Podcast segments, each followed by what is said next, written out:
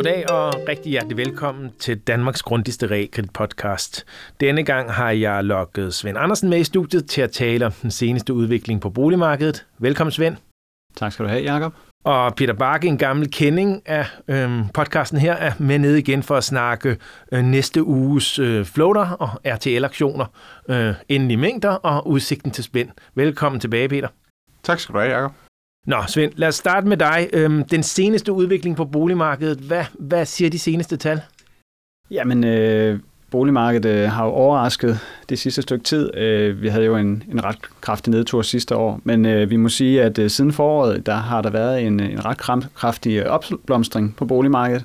Især øh, trukket af boligerne i Københavnsområdet, særligt øh, ejerlejligheder, men også huse. Og det har sådan set både været på antallet af handler og også på priserne. Og det er jo nok øh, lidt overraskende, når man tænker på, hvor meget renterne egentlig er steget.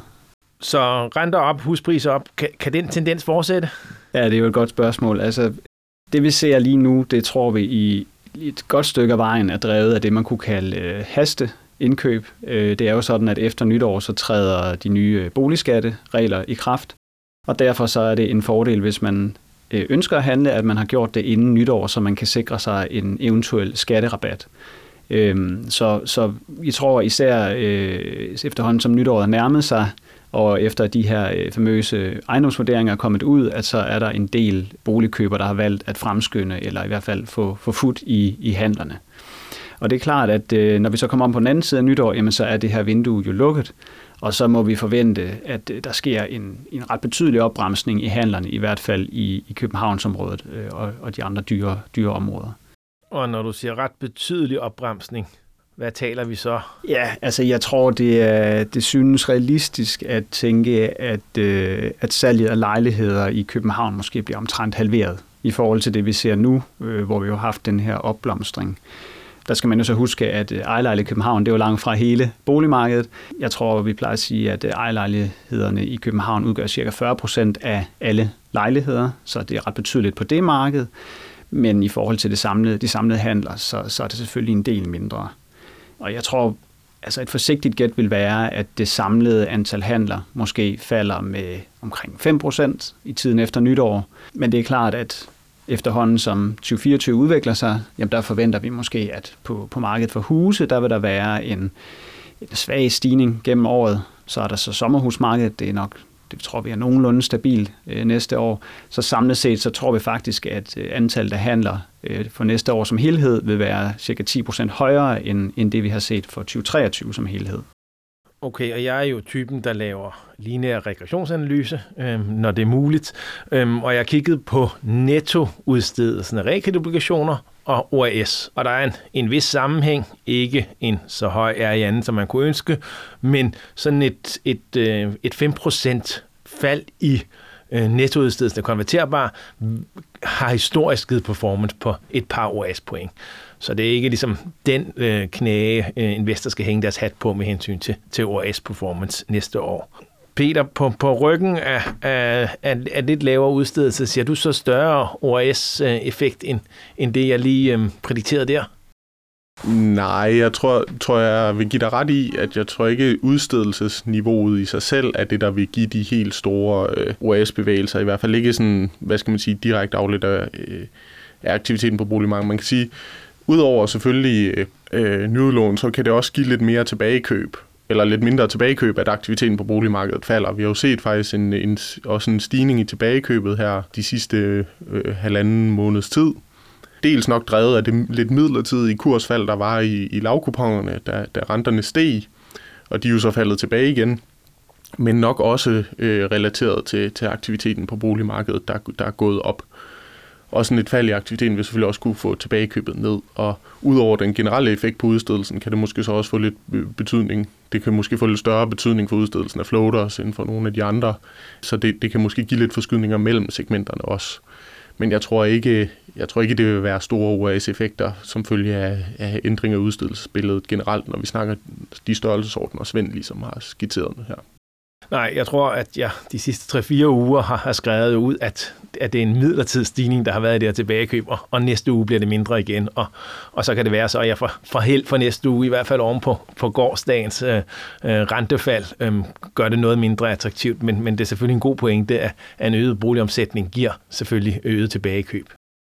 Hvordan, øh, hvordan ser det ud med de her øh, aktioner, der kommer i næste uge, altså RTL-aktioner? Øh, vi har jo set en, en kraftig tendens med, at folk har ikke haft lyst til at låse deres rente i, i tre eller fem år, så, så ganske pænt flyt ind af kurven.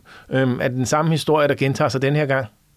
Overordnet set ja, kan man sige. Øh, der er stadig væsentligt øh, mindre udbud af RTL5-obligationer end det udløb af femårige RTL'er, som vi ligesom estimerer, der er ud af det samlede udbud. Og øh, så vi, vi er nede på omkring 50 procent, så bevægelsen er der fortsat. Man kan sige, der er sådan lidt mere nuancer i det den her gang, end vi har set tidligere, fordi øh, tidligere har vi set en, en samlet set lidt kraftigere bevægelse, og det har været bredt funderet på alle institutter, så at sige. Og den her gang skete der jo lidt det, at, at øh, for Nykredit og RD, som er dem, der har største del, eller stort set hele det her udløb af, af femårige RTL'er, jamen der så vi sådan set stadig bevægelsen væk fra RTL 5, eller F5-lån, fortsætte med uformindsket styrke, og måske faktisk nærmest lidt, lidt højere, lidt større bevægelse væk, hvis man overhovedet kan tage, øh, skal, skal skælne, end vi har set øh, på, de, på de sidste par gange. Så der er ikke noget der, der, der giver anledning til at ændre opfattelse af låntagers præferencer. Men det vi så også så, var, at Jyske havde et udløb på, øh, på godt 20 milliarder RTL, og stort set øh, udelukkende RTL 1'ere, eller etårige RTL-obligationer, og det gav noget overraskende faktisk et, et anledning til et udbud i, på omkring 15 milliarder er til 1'ere, men så også 3,4 milliarder er til 5'ere. Og det er nyt, så, så præcis den modsatte bevægelse hos Jyske Kredit i forhold til det, vi ser hos, hos de andre institutter. Ja. Øh, du nævnte jo sidste gang, du var med i studiet, og, og nu skal jeg måske understrege, at vi bare spekulerer, men, men DLR har jo været ude og kommentere på tilsynsdiamanten, og, og du nævnte selv, at, at Jyske Kredit var, var det institut, der havde det, det næst var næst tættest på, på diamantens øh, skarpe kant på det her med, med mængden, der skulle refinansieres. Mængden af, af lån, der lå i, i den yderste 25 procent af øh, LTV-båndet, øh, som, som stod over for refinansiering.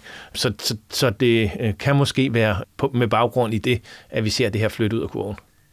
Det vil også være mit gæt, og nu er det er jo, det er jo lidt et gæt, men, øh, men det er i høj grad relevant, fordi øh, hvorvidt man skal tage den her bevægelse hos Jyske som udtryk for et, et varsel om et generelt skift i låntageradfærd, eller noget, der knytter sig specifikt til Jyske, bliver faktisk ret vigtigt for ATL-markedet, fordi Øh, nu kan man sige, det, den, det, det endte med den her gang med mængderne, var, var nogenlunde i tråd med, hvad markedet havde forventet.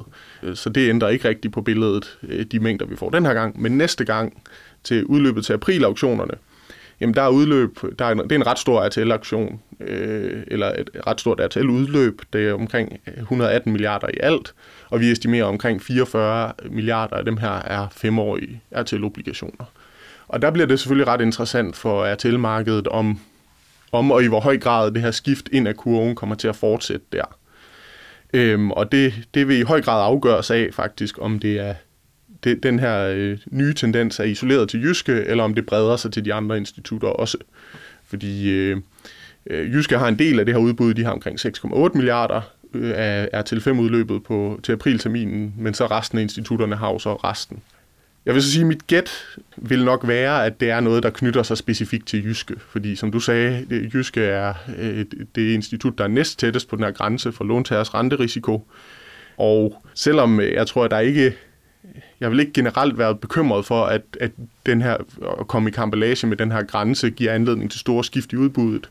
Jeg synes, vi har set, når vi prøver at, at kigge på tallene, så godt vi nu kan, vi kan ikke afgrænse det helt præcist, men den løbende udstedelse giver ikke i så høj grad anledning til stigninger i andelen af lån med lav, øh, med kort rentebinding længere.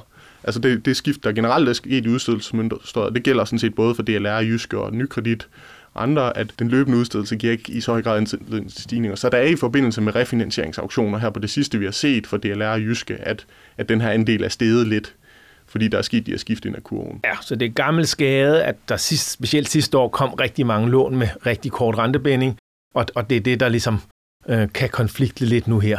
Men, men udsigt til, masser af, af obligationer til april og masser af til 5. Den her gang, der kommer jo cirka 50 milliarder til 1'er, 10 milliarder til 3'er og, og 10 milliarder til 5'er. Øhm, og, og hvordan skal man hvordan skal man byde, hvis man, man skal have nogle af dem med hjem? Øhm, hvad tænker du om spændende? Det er jo nogen flere til 1'er, end vi fik sidste år på novemberaktionen i hvert fald. Ja, det er det. Det er omkring 75 procent flere end sidste år. Øh, det er så omtrent på niveau med, hvad vi så i øh, februar, så det er ikke sådan uh, uset stort, selvom det stadig er, er større, end vi generelt har set de sidste år. Jeg vil sige, jeg tror, også når man kigger på asset swap-kurven, hvordan den har udviklet sig de sidste tre måneder, så har prisningen gjort sig i vid udstrækning klar til de her auktioner. Altså at litterne er gået ud, femmerne er gået ind, og det her lave udbud af til femmer er i, i hvert fald langt hen ad vejen priset ind, og det ser også ud til, at udbuddet af til litter er blevet priset ind.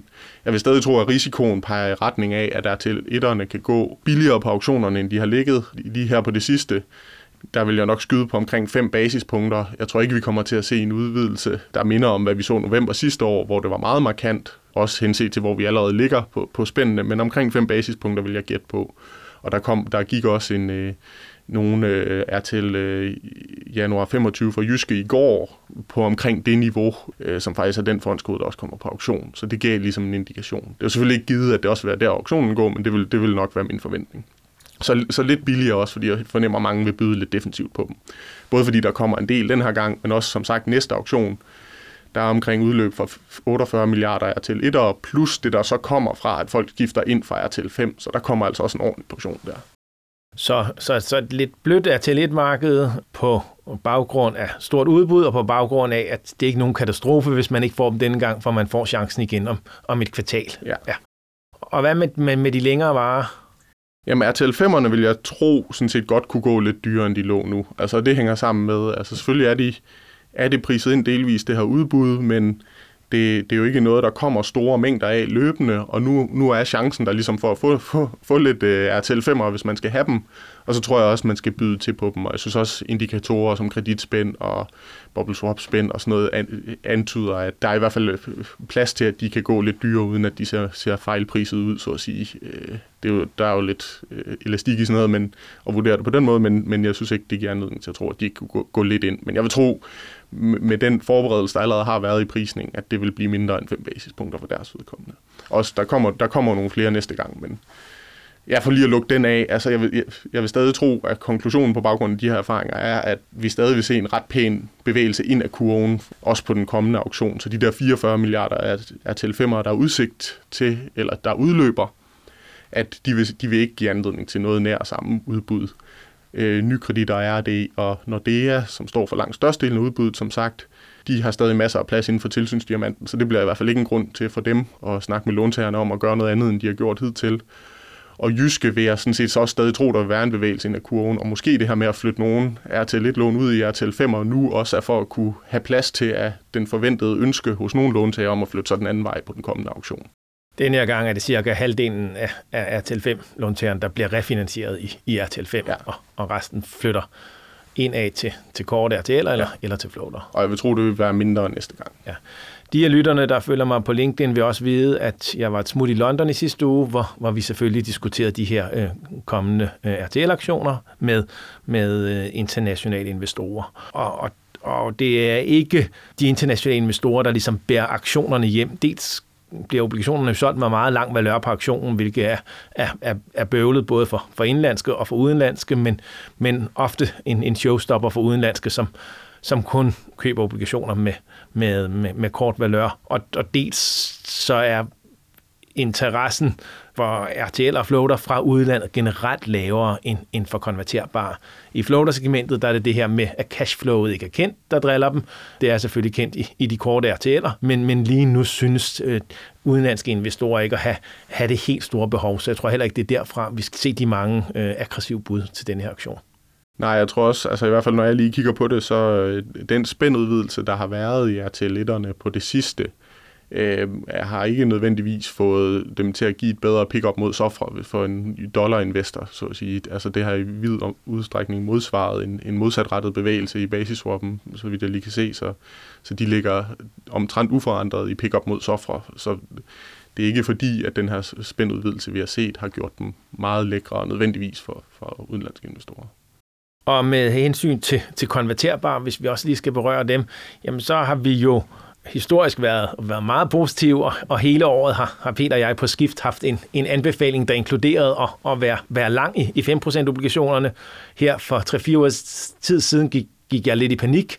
Vi havde set, at, at kreditobligationer havde givet sig, sig relativt meget ud, og, og konverterbare var, var kørt ind op til, til, til terminen. Jeg ved godt, det er to forskellige ting, man, man måler i, i kredit. Er det en forsikringspræmie, og i, i konverterbar er det et eller andet spænd over swap, men historisk har der altså været en rigtig pæn korrelation, og den var ligesom brudt, så, så jeg var ude og sige, at jeg synes, de, de konverterbare så, så dyre ud. Der skete så det efterfølgende, at kredit kørte lidt ind igen, og, og realkredit kørte lidt ud efter terminen, og denne her historiske korrelation var så genetableret, så vi var ude igen og sige, at, at, at nu kunne vi egentlig igen godt lide femmer.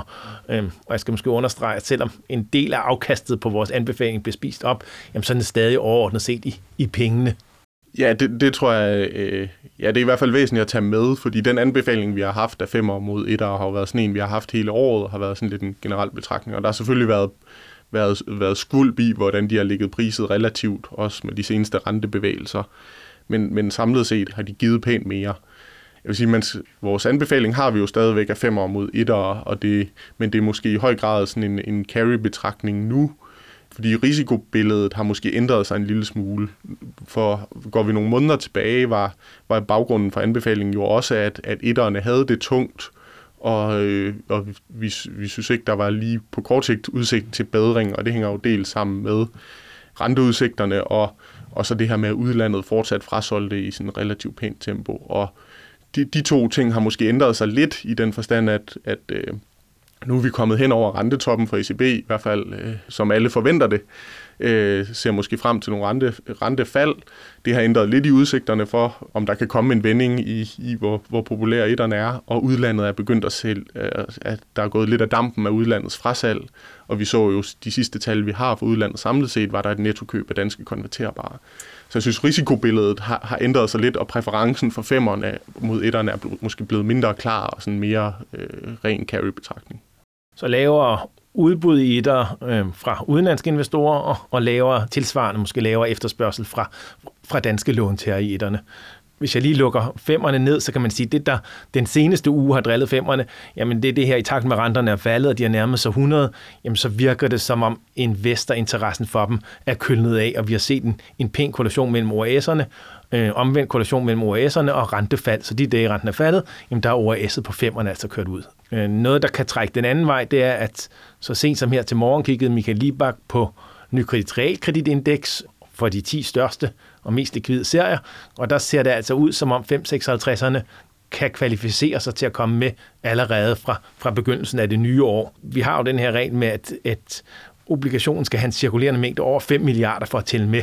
Så, så det er, er afgørende for, om de kommer med eller ej, at øh, flere institutterne når ligesom at få den cirkulerende mængde op i 5 milliarder.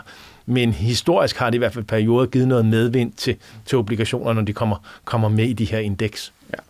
Ja, klart. Lige præcis, hvornår de kommer med, kommer så i praksis til at afhænge lidt af størrelsen af Nordeas serie, som er den, der ligger lige, og når vi skriver frem øh, omkring vippen på de 5 milliarder, som det lige bliver, bliver december eller i januar, eller hvornår det bliver på det mundlige indeks, og så forventer sig i januar på det kvartalsvise realkreditindeks. Men øh, det er det, der bliver den afgørende faktor. Tak til, til Svend og Peter, fordi I stillede op igen, og tak til jer derude, fordi I lyttede med.